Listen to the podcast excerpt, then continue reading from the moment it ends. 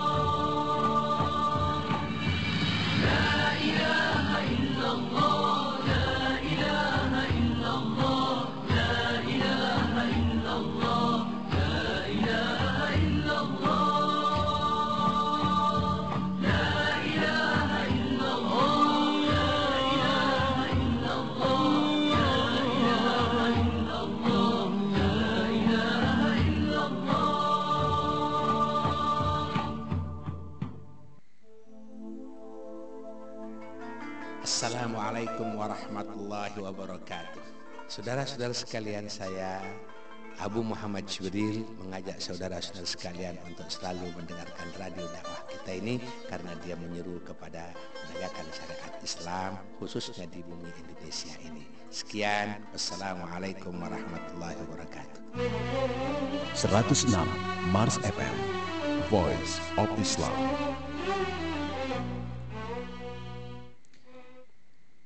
Assalamualaikum warahmatullahi wabarakatuh. Puji syukur mari kita panjatkan kepada Allah Subhanahu wa taala karena atas berkat rahmat dan serta semua nikmatnya ya saya dapat kembali nih menyumpai sahabat muslim semua ya dalam keadaan sehat walafiat.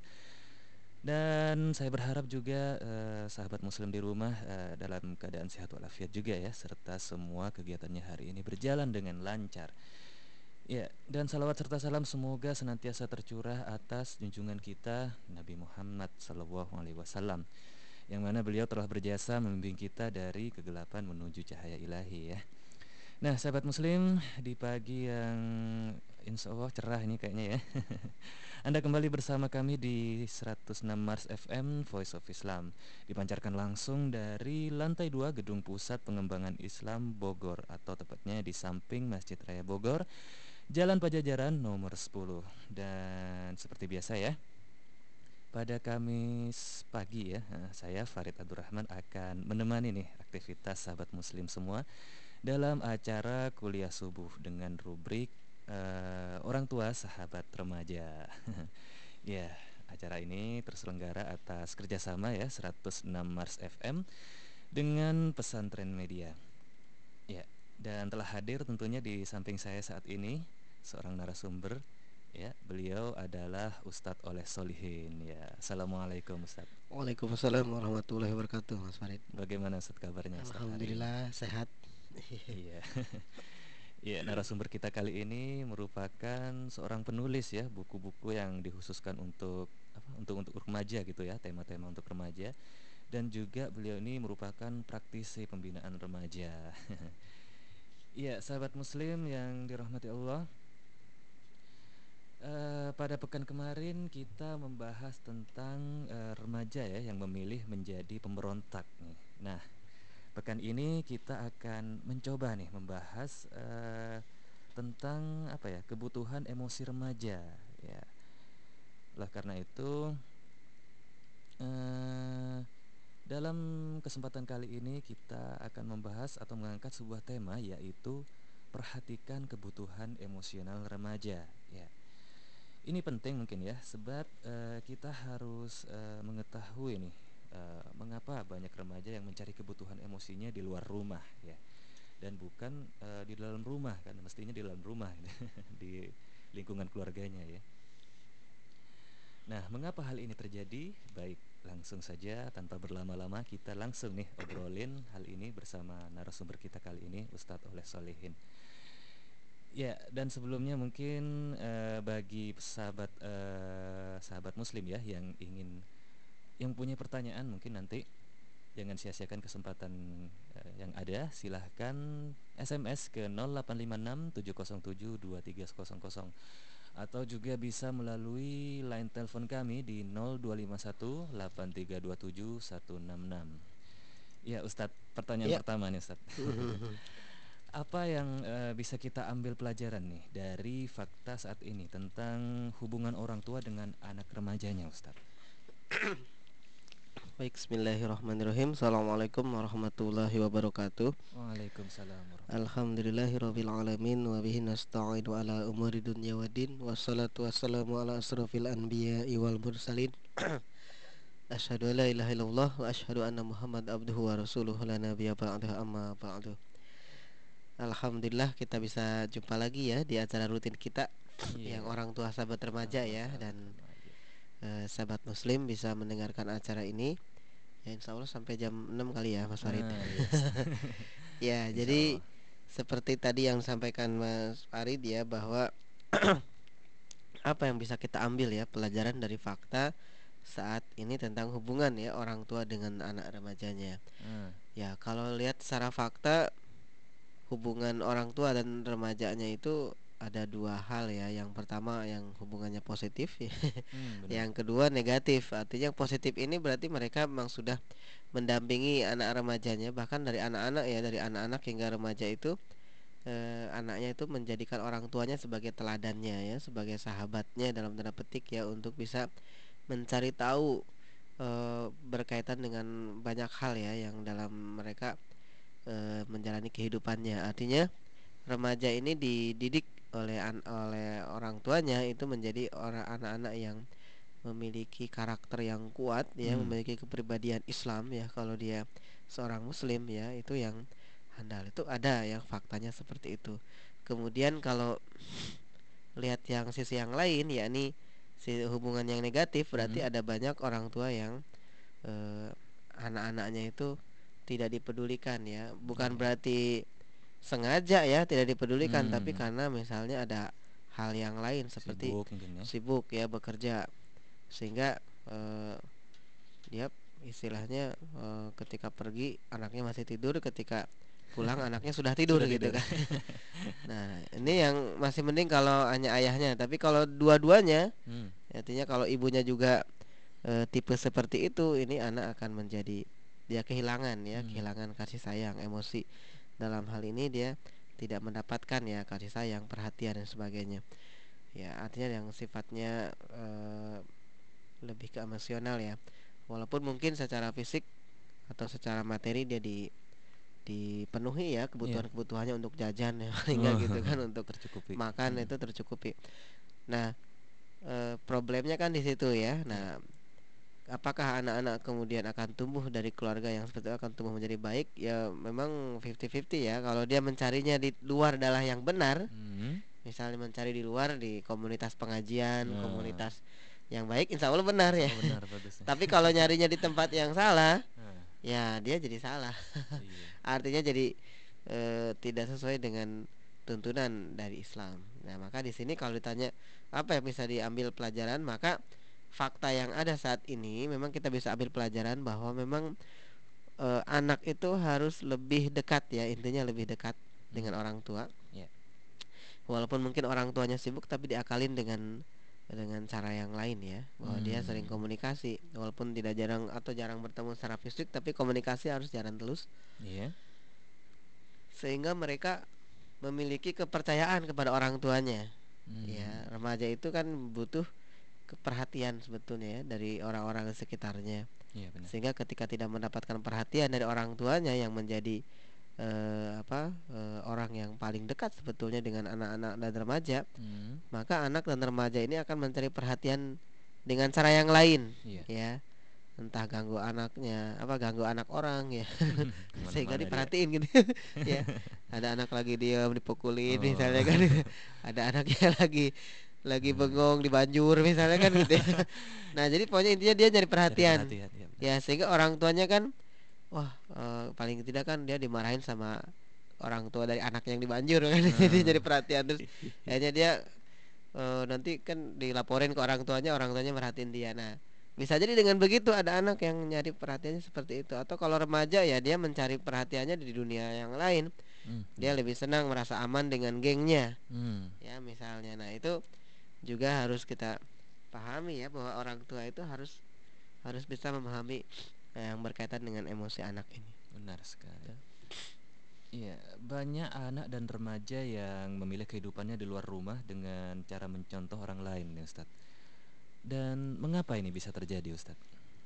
kalau mencontoh memang setiap orang juga terinspirasi ya Iya.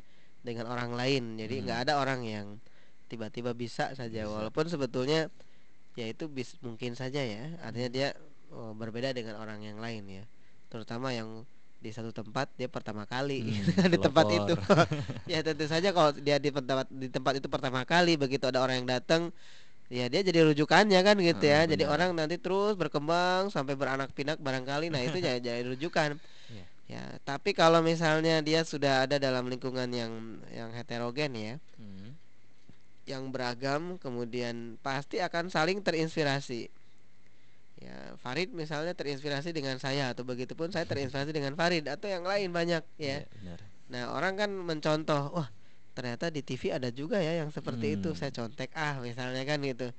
Nah masalahnya mencontoh dan dicontoh itu sebetulnya alami ya artinya memang manusia saling terinspirasi. Iya. Tetapi persoalannya kan kita bisa menyaring ya sebab semua yang dicontohkan itu tidak selamanya baik, Selamanya baik. tidak selamanya menjadi memang yang kita harus lakukan Iya. ya. Meniru itu kan ada batasan-batasannya. Hmm, benar. Nah, kalau misalnya orang saling itu wajar ya pertama kali bahwa orang saling terinspirasi itu boleh, Hmm. wajar ya bukan boleh, wajar. Kenapa? Karena dia ya hidup bersama orang lain. Iya. Kalau hidupnya sendiri mungkin dia, dia sendiri ya, tapi hidup bersama orang lain pasti terinspirasi satu sama lain. Hmm. Nah, kemudian yang menjadi persoalan bagaimana kan gitu ya eh, agar tidak terpengaruh dengan hal yang jelek. Kalau yang baik sih alhamdulillah Alhamdulillah. ya anak kita terbawa jadi anak yang rajin sholat misalnya kan anak yang e, berbakti pada orang tua karena melihat temannya berbakti pada orang tuanya Hmm. itu mereka belajar dari orang lain yang benar tapi ya Iya, benar. tapi yang dikhawatirkan itu dan yang tidak boleh terjadi adalah dia atau anak kita itu belajar ya anak-anak belajar anak remaja itu belajar di, di tempat orang lain dengan metode yang berbeda gitu ya Hmm. berbeda bukan hanya berbeda bahkan bertentangan Iya. dengan apa yang disampaikan orang tuanya Hmm. atau yang disampaikan oleh Islam sehingga dalam ini menjadi problem ya oh saya pengen ditato deh misalnya karena lihat Iya. temennya ditato Hmm. ini tatonya Islami pak gambar Ka'bah tetap aja nggak boleh gitu kan ya walaupun gambar ya artinya dia akan terinspirasi dengan kawan yang lainnya Hmm. nah dalam kondisi seperti ini berarti anak telah e, mencari perhatian ya di tempat lain karena dia tidak mendapatkan bisa jadi di orang tua orang tuanya tidak mengajarkan Hmm. ya orang tuanya itu tidak memberikan arahan Iya. ya contoh misalnya orang tua ya karena sibuk tadi atau kalaupun tidak sibuk dia ada di rumah Hmm. tapi dia bingung mau ngapain Mau ngapain? Mau diapain ya? ah mau diapain anaknya karena banyak juga orang tua yang kebingungan mengendalikan anaknya ya Kurang ilmu kali ya. ah karena kurang pengetahuan kurang wawasan gitu ya jadi saya kemarin juga waktu ikut bantu distribusi gaul Islam ya Heeh. buletin gaul Islam kan judulnya pacaran itu nafsu ya bukan cinta nah ketika di satu sekolah ya eh, itu saya sampaikan kemudian ada tamu kelihatannya tamu dari sekolah itu ya bu eh, tamu gurunya gitu ya Mm-mm. Wah ini cocok nih buat anak saya nih kata dia gitu kan ya. Dan saya bisa minta oh silahkan kata gurunya. Karena emang saya juga mempersilahkan karena itu untuk di- disebarkan ya. Hmm. gratis itu. Nah di situ silahkan nah artinya ada juga orang tua kebingungan. Jadi ah, wah anak saya ini pacaran ini mending kalau pacaran yang benar. Katanya mending kalau pacaran yang benar. Ya Hmm. sebetulnya pacaran sendiri udah nggak boleh ya. Tapi intinya orang tuh sudah perhatian nih ketika anaknya sudah berubah gitu kan nggak misalnya sekolah kan khawatir ya kalau pacaran sekolahnya terganggu segala macam nah orang tua itu punya tahu itu salah tapi dia bingung harus ngapain Hmm. maka ketika ada buletin gaul Islam yang eh, apa istilahnya saya sebarkan waktu bantu sebarkan bagian distribusi Hmm. itu orang tua seneng gitu kan nah berarti kan sebetulnya ada juga orang tua yang dia ada di rumah dia ada di tapi kurang pengetahuannya atau dia Oh. belum tahu caranya seperti apa nah maka Iya. memang orang menjadi orang tua itu ya bukan kebetulan ya tapi ya itu sudah di ini direncanakan ya Hmm. nah maka tentu saja ya kita empati ya dengan orang-orang apa orang tua sebelum kita barangkali ya Hmm. yang kebingungan juga untuk me- me- bagaimana cara mengendalikan anak-anaknya gitu. Iya.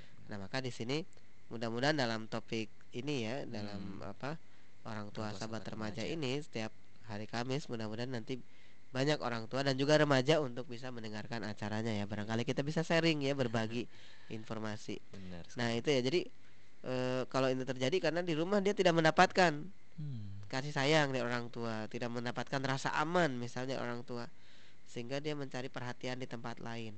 Iya. Ya masih mending tadi yang saya sampaikan kalau itu tempatnya benar, kalau enggak, nah itu yang Ya repot. Ya. Baik itu. Itu ya. ya. Lalu apa saja kebutuhan emosi anak nih Ustaz? Eh, anak dan remaja ya yang perlu diketahui oleh orang tua Ustaz. Iya. Kalau eh, lihat ya memang kebutuhan emosi anak tuh ya pertama sih bisa dilihat dari kebutuhan untuk rasa aman. Hmm. ya. Jadi artinya kalau kalau anak itu e, merasa aman ya aman di sini dalam di dalam diri dan lingkungannya artinya dia tidak terancam ya Hmm. oleh mungkin arogansi orang tua kadang orang tua juga suka memaksa ya kadang-kadang ya Hmm. bukan kadang-kadang mungkin sering juga gitu kamu harus begini ya sebetulnya dalam Islam harus ya eh, ada ada porsinya ketika anak itu harus tahu mana yang benar mana yang salah itu Hmm. Iya. dalam Islam juga di- diajarkan ya tetapi mungkin caranya gitu kan cara cara mengingatkannya cara menegurnya Harus benar. nah jadi artinya anak itu ya kebutuhan punya kebutuhan rasa aman artinya ketika dia merasa aman dengan orang tuanya ya sampaikan bahwa ya insya Allah ya kita eh, kamu sama apa eh, kakak sama ayah misalnya insya Allah akan merasa aman ya karena ya Allah yang melindungi kita gitu jadi Hmm. diterangkan tuh seperti itu.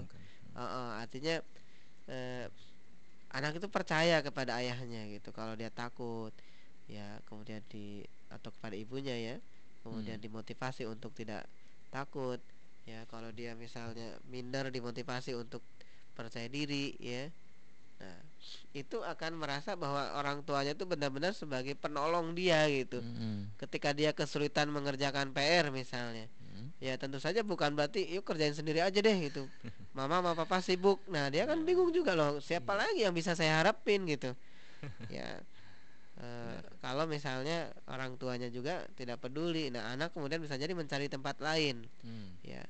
Tetapi kalau misalnya kita coba bantu gitu ya dengan ya orang tua dengan anaknya gitu saling membantu ya anaknya ketika mengerjakan PR ya dibantu di diberikan solusinya pemecahannya sehingga anak merasa percaya bahwa saya di, dihargai di sini saya Hmm. diperhatikan di oleh orang tua saya Benar. ya.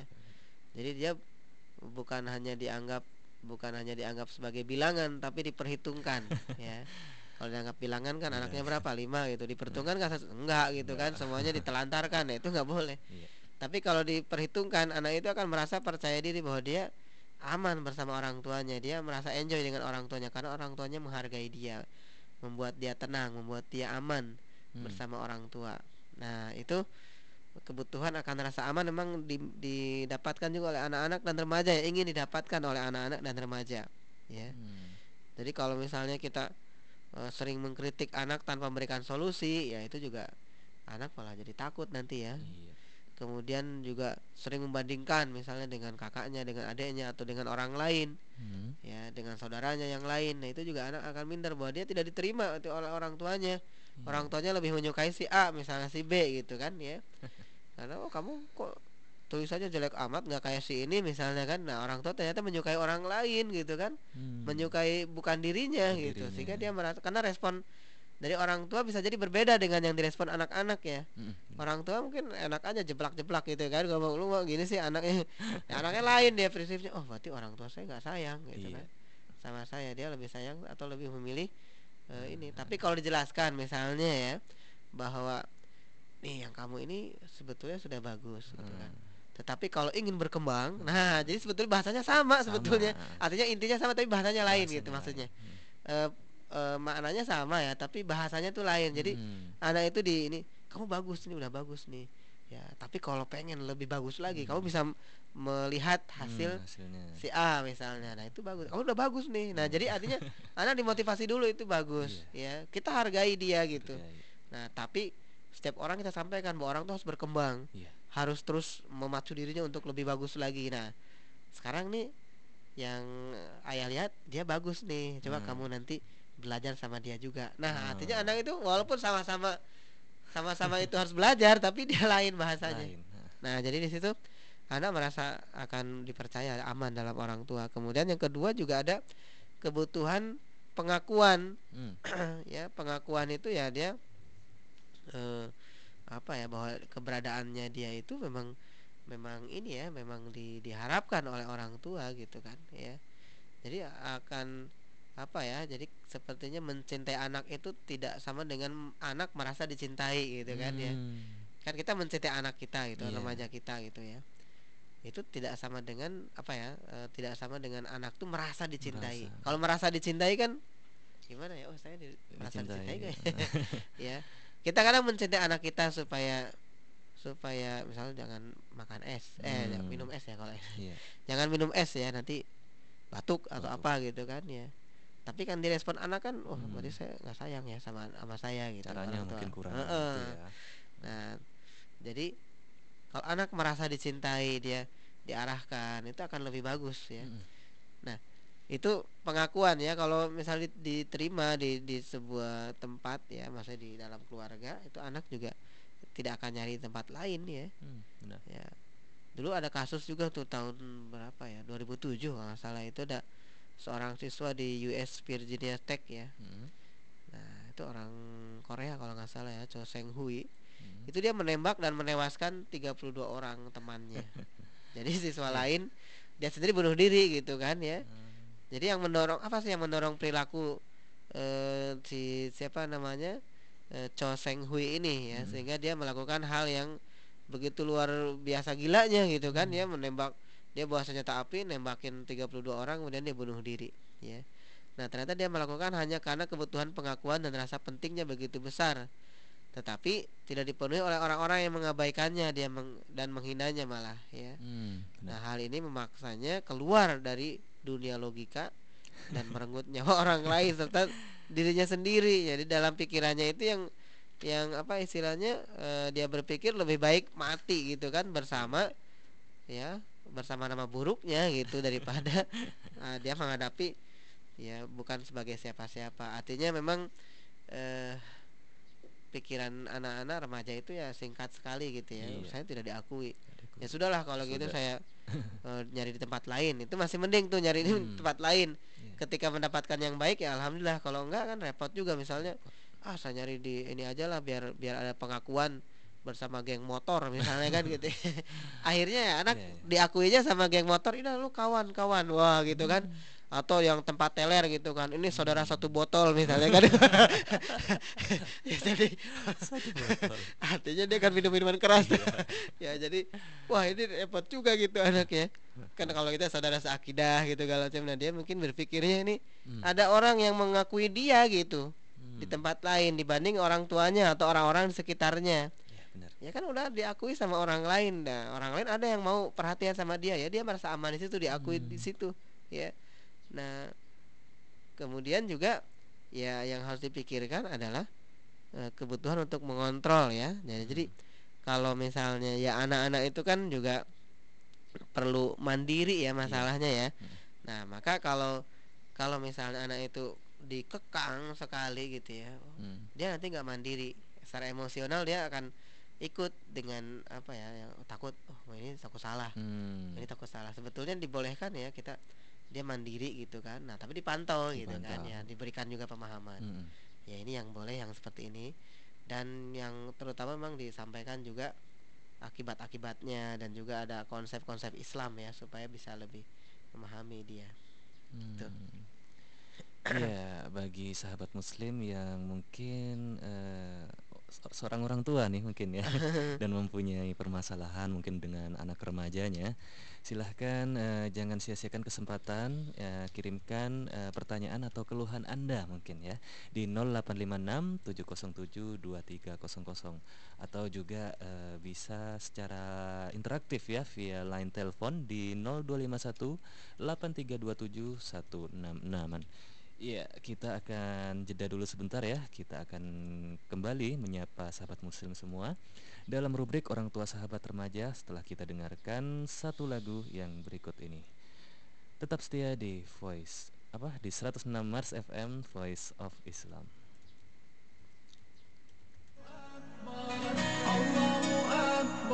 If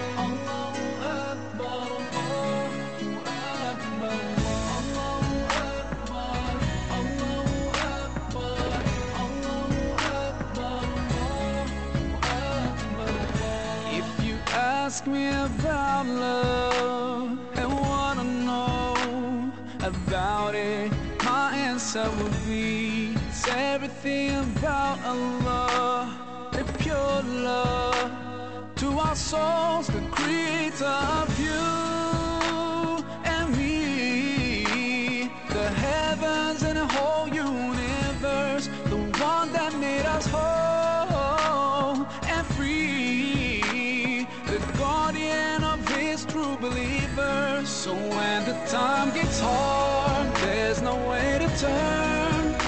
promised, he will always be there to bless us with his love and his mercy. Cause as he promised, he will always be there. He's always watching us, guiding us, and he knows what's deep in our hearts. So when you lose your way to Allah, you should turn.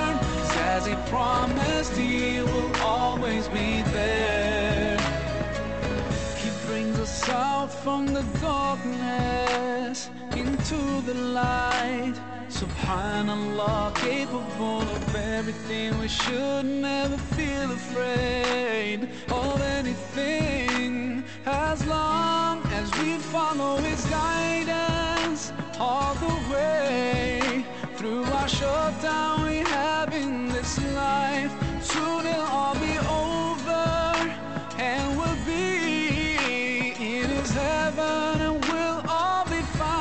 So when the time gets hard, there's no way to turn. As He promised, He will always be there to bless us with His love and His mercy. Cause as He promised, He will always be there. He's always watching us, guiding us, and He knows what's deep in our hearts. Allah, you should turn. as He promised, He will always be there.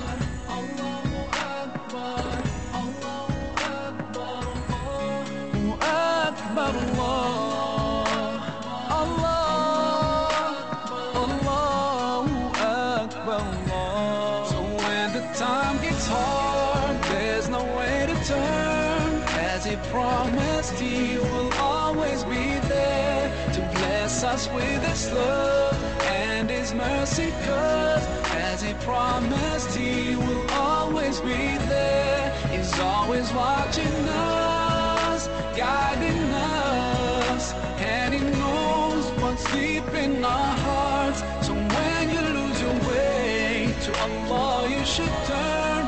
as he promised he will always be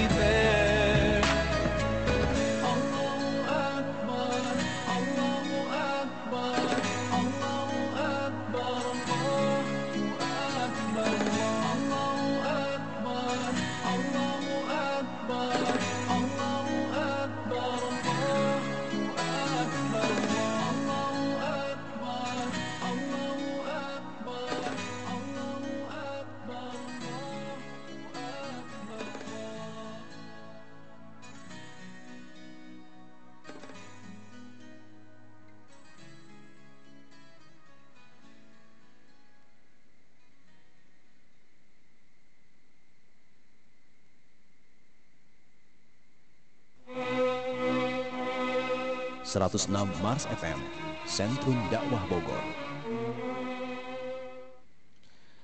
Masih di 106 Mars FM Voice of Islam Ya sahabat muslim di mana pun anda berada Anda masih bersama kami ya Di s- acara kuliah subuh ya Dalam rubrik orang tua sahabat remaja Dan masih bersama narasumber kita Ustadz Oleh Solihin yang akan memandu Dan memberikan inspirasinya kepada kita semua hingga di penghujung acara nanti.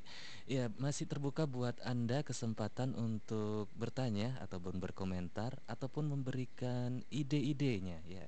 Silahkan SMS ke 0856 707 2300 atau juga bisa melalui telepon di 0251 8327 166. Baik, kita lanjutkan ya perbincangan kita di pagi hari ini. Ya Ustadz, eh, tadi kan dibahas ya tentang apa saja kebutuhan emosi untuk anak dan remaja yang di, ah, yang perlu diketahui oleh orang tua ya Ustadz ya. Iya. Dan kira-kira eh, di dalam menciptakan kebutuhan emosional anak dan remaja itu eh, apa saja nih yang harus dilakukan oleh para orang tua tadi agar tepat pemenuhannya Ustadz? Iya. Baik ya, jadi dalam menciptakan kebutuhan-kebutuhan emosional anak dan remaja yang tadi sempat saya sampaikan ya. Mhm. Nah, di situ yang perlu dilakukan oleh para orang tua ya atau kita ya semua yang berkaitan dengan ini ya.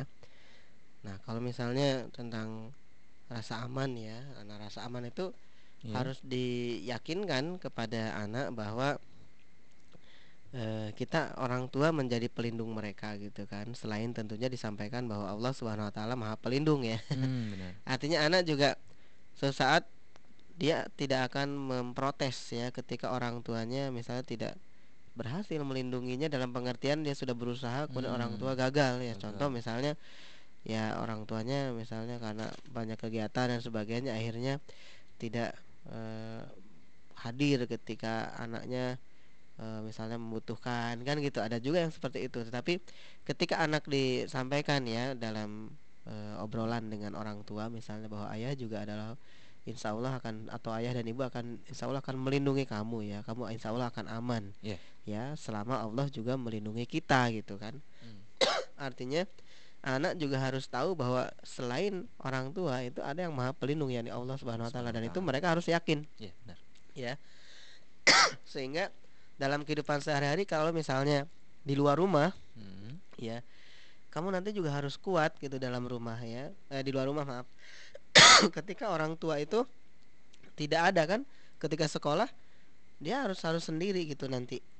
Nah kemudian yakinkan bahwa kamu insya Allah bisa gitu. Ayah nanti doakan dari jauh ya ibu dan ayah doakan dari jauh tapi kamu yakin bahwa Allah akan menolong kamu kan gitu ya. Kamu yakin berdoa saja kepada Allah. Iya. sehingga anak juga tidak khawatir dan dia tidak merasa harus di rumah terus gitu kan tapi dia keluar rumah juga berani gitu kan ya karena ya walaupun tidak dalam pengawasan manusia tapi sebagai orang orang tua sebagai apa orang tua dalam hal ini ya tapi dia yakin bahwa Allah akan menolongnya nah Hmm. kemudian kalau untuk menciptakan rasa penerimaan ya atau dicintai maka ya kita biasakan tuh menatap mata anak ya Iya. atau eh, apa ya namanya remaja itu dengan langsung Hmm. ya ditatap matanya biar dia juga harus lihat mata kita gitu. Hmm. di situlah bukan tapi tatapan mata kasih sayang ya bukan tatapan mata penuh kebencian ya karena beda gitu tatapan matanya. Ini melotot atau gimana? Kok nggak berkedip-kedip gitu? Nah tapi mata tatapan matanya itu yang lembut ya yang artinya anak itu merespon bahwa itu memang tatapan bukan menciptakan rasa takut gitu kan bukan bukan romusa ya roman muka sadis tuh hal lain ya tapi gitu eh, ya. nyaman ya eh, memang orang tuanya tuh eh, dia akan mengakui dia gitu kan ya Hmm, benar. nah juga kalau misalnya itu eh, apa ya kalau tentu kalau lebih tinggi ayahnya atau lebih tinggi ibunya ya duduk saja gitu anaknya duduk kita duduk juga gitu kan nah Hmm, nah, artinya sejajar lah ya sehingga anak itu tidak merasa bahwa dia sedang dihakimi orang yang gede banget ya dewasa. Atau remaja itu ditekan ditindas gitu ya. Itu hanya soal eh, gaya saja ya eh, body language sepertinya gitu. Tapi ini penting juga. Iya. ya.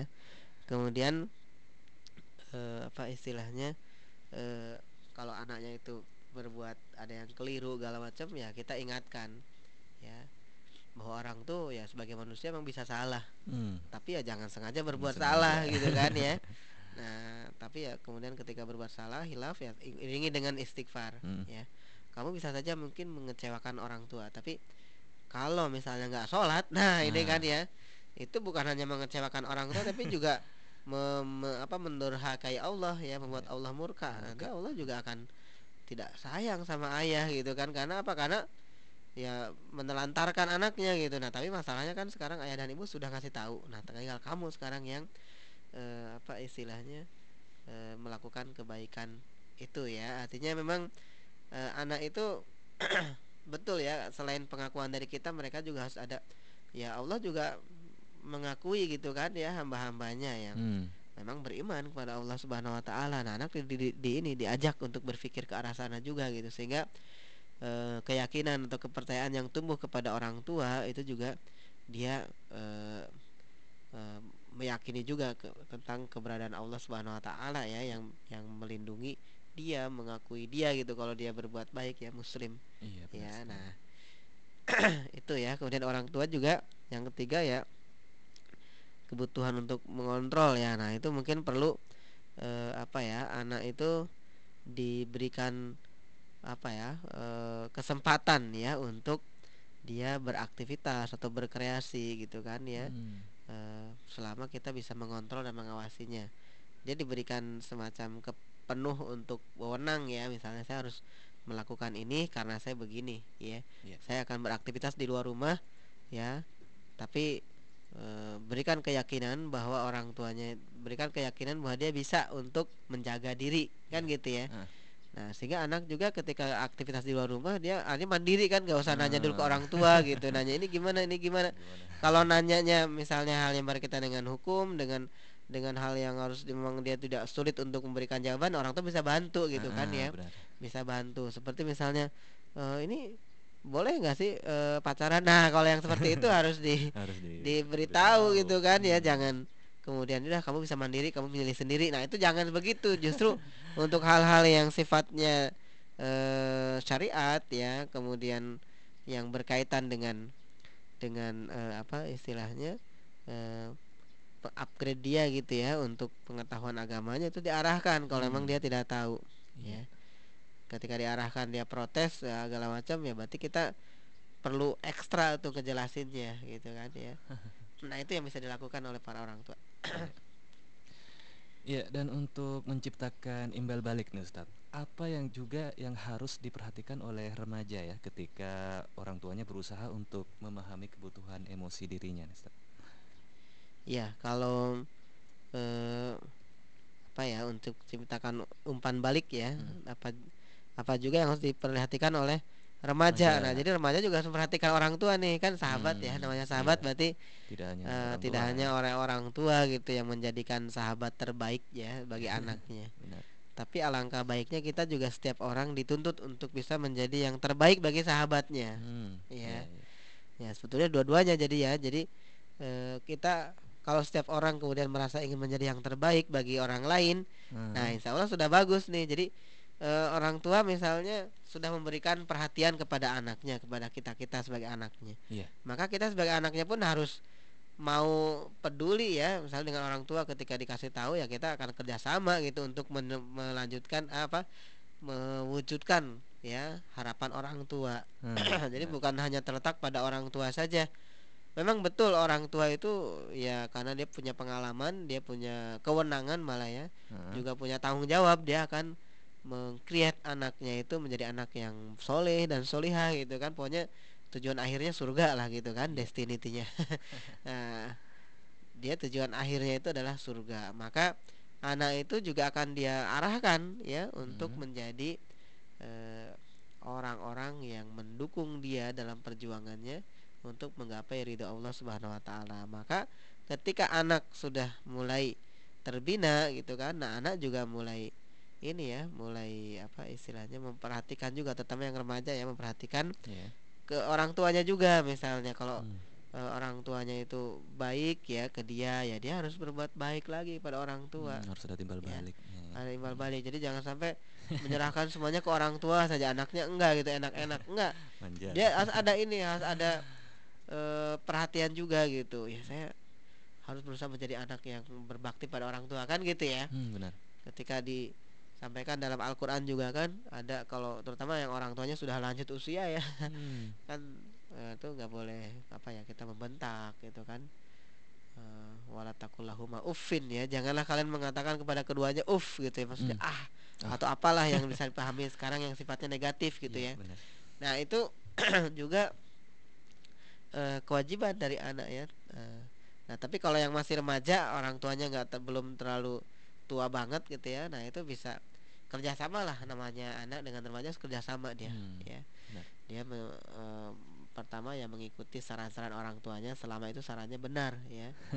Ya menurut syariat Islam. Kemudian anak itu menjadi eh, kebanggaan. Ya tunjukkan bahwa dia pantas untuk menjadi kebanggaan orang tuanya. Prestasinya tunjukkan kreativitasnya tunjukkan. Benar. sehingga orang tua juga ada merasa bangga ya dengan anaknya apa yang dia sudah arahkan itu ternyata anaknya mewujudkan kan gitu Hmm. jadi emang ada im- imbal balik ya dari orang anak kepada orang tua juga.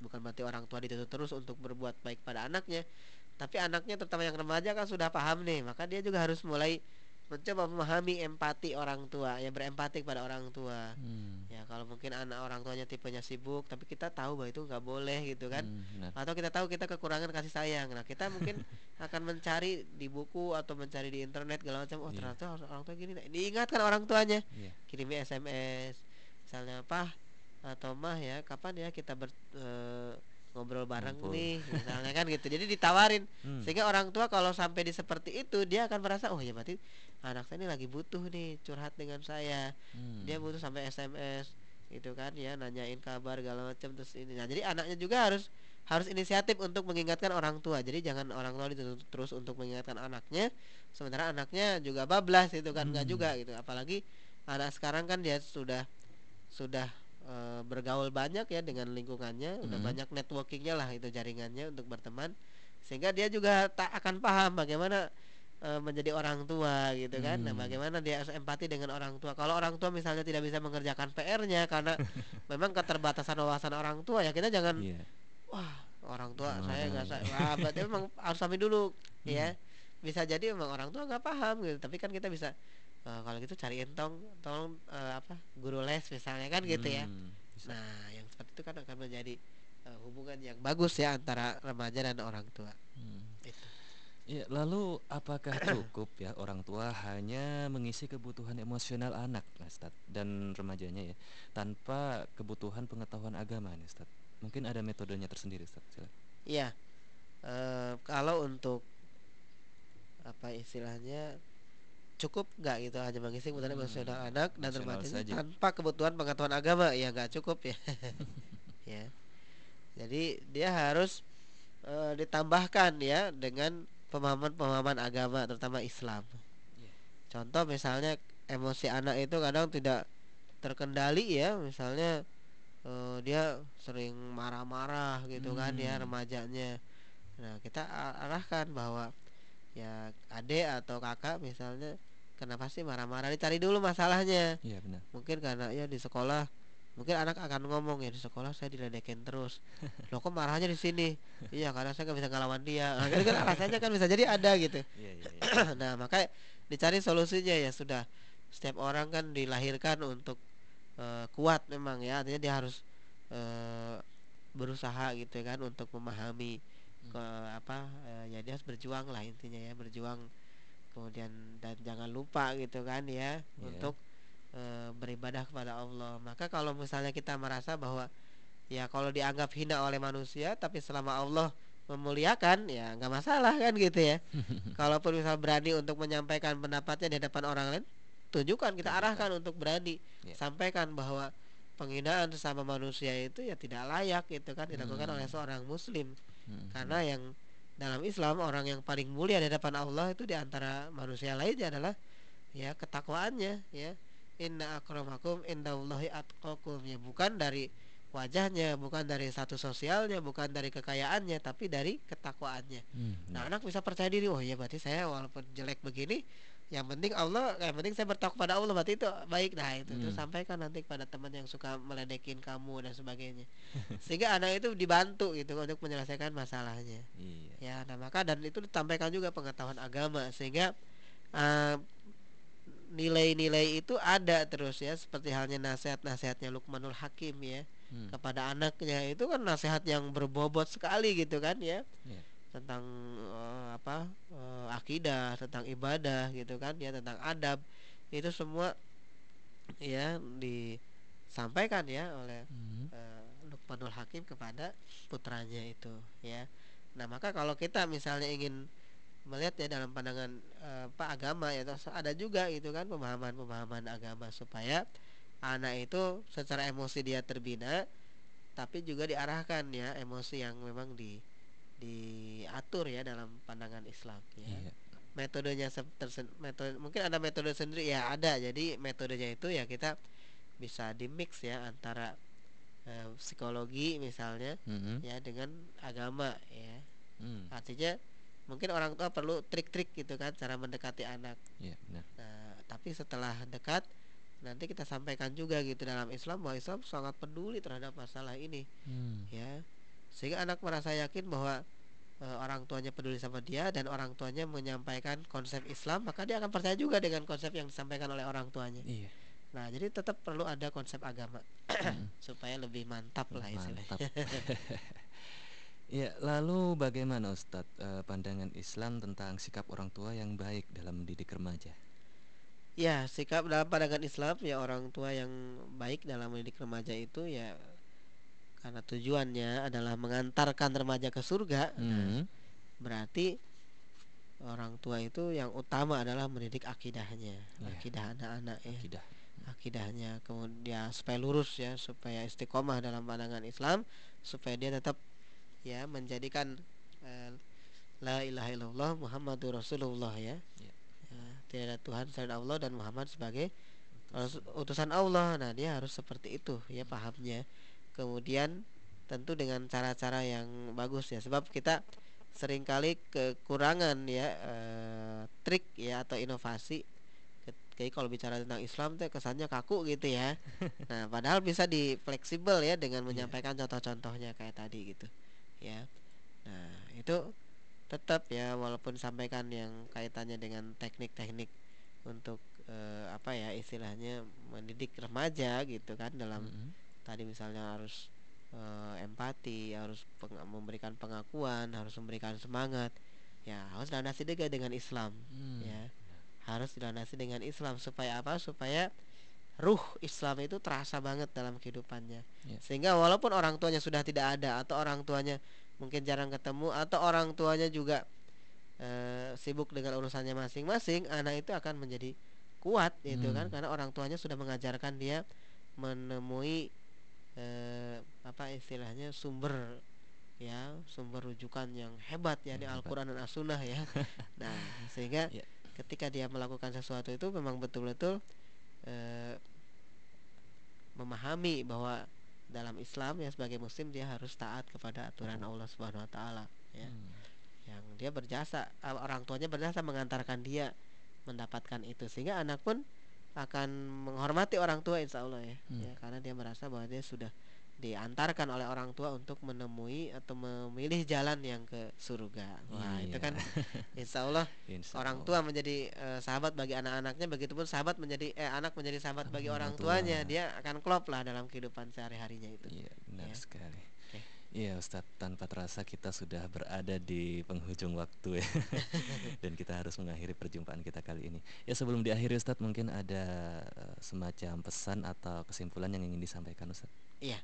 Hmm. Sebagai kesimpulannya ya bahwa dalam hal ini pembahasan kita dalam rubrik orang tua sahabat remaja Dengan tema uh, perhatikan kebutuhan emosional remaja Itu yang pertama ya orang tua harus peka terhadap kondisi anak-anak ya kondisi anak-anak tuh seperti apa yang dia inginkan kebutuhan emosionalnya? Biasanya sih yang dominan tuh rasa aman pengakuan dan mandiri ya. Hmm. nah maka yang ketiga ini kita coba penuhi gitu kan ya dan dimasukkan nilai-nilai Islam hmm. ya ke dalam tiga kebutuhan tersebut ya. Iya, sehingga anak merasa yakin bahwa dia diakui oleh orang tuanya dia aman bersama orang tuanya dia dianggap mandiri bersama orang tuanya karena orang tuanya percaya sama dia tetapi dia juga akan tumbuh ya semangat untuk menghormati orang tuanya semangat untuk saling mengingatkan juga dengan orang tua itu paling tidak meminta orang tuanya peduli sama dia yeah. ya sehingga dia tidak mencari di luar saya pikir kalau sudah terjalin komunikasi yang bagus dengan antara anak dengan orang tua insya Allah akan memberikan hal yang positif juga gitu bagi diri anak ya hmm. dan dia hmm. akan berkembang dengan penuh uh, semangat ya karena dia diakui oleh orang tuanya yeah. dilindungi oleh orang tuanya kemudian dia mandiri dibolehkan oleh mandiri oleh orang tuanya tapi diawasi dan dia juga merasa bahwa ya Allah adalah pelindungnya ya hmm. dia kalaupun orang tuanya jauh dari dia atau di luar di ketika dia sekolah hmm. maka dia mengharapkannya pertolongan dari Allah Subhanahu wa taala itu yang akan memudahkan Eh, mereka berkembang menjadi pribadi muslim yang lebih baik lagi. Iya. ya. Baik sahabat muslim yang dirahmati Allah, itu tadi pembahasan kita tentang memperhatikan kebutuhan emosional remaja ya.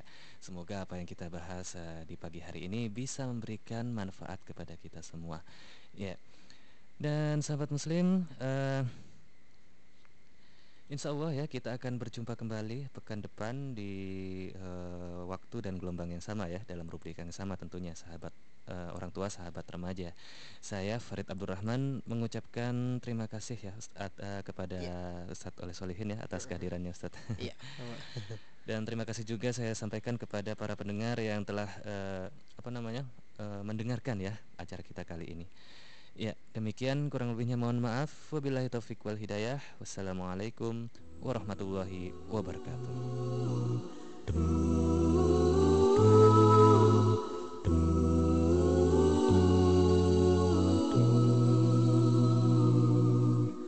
Ya,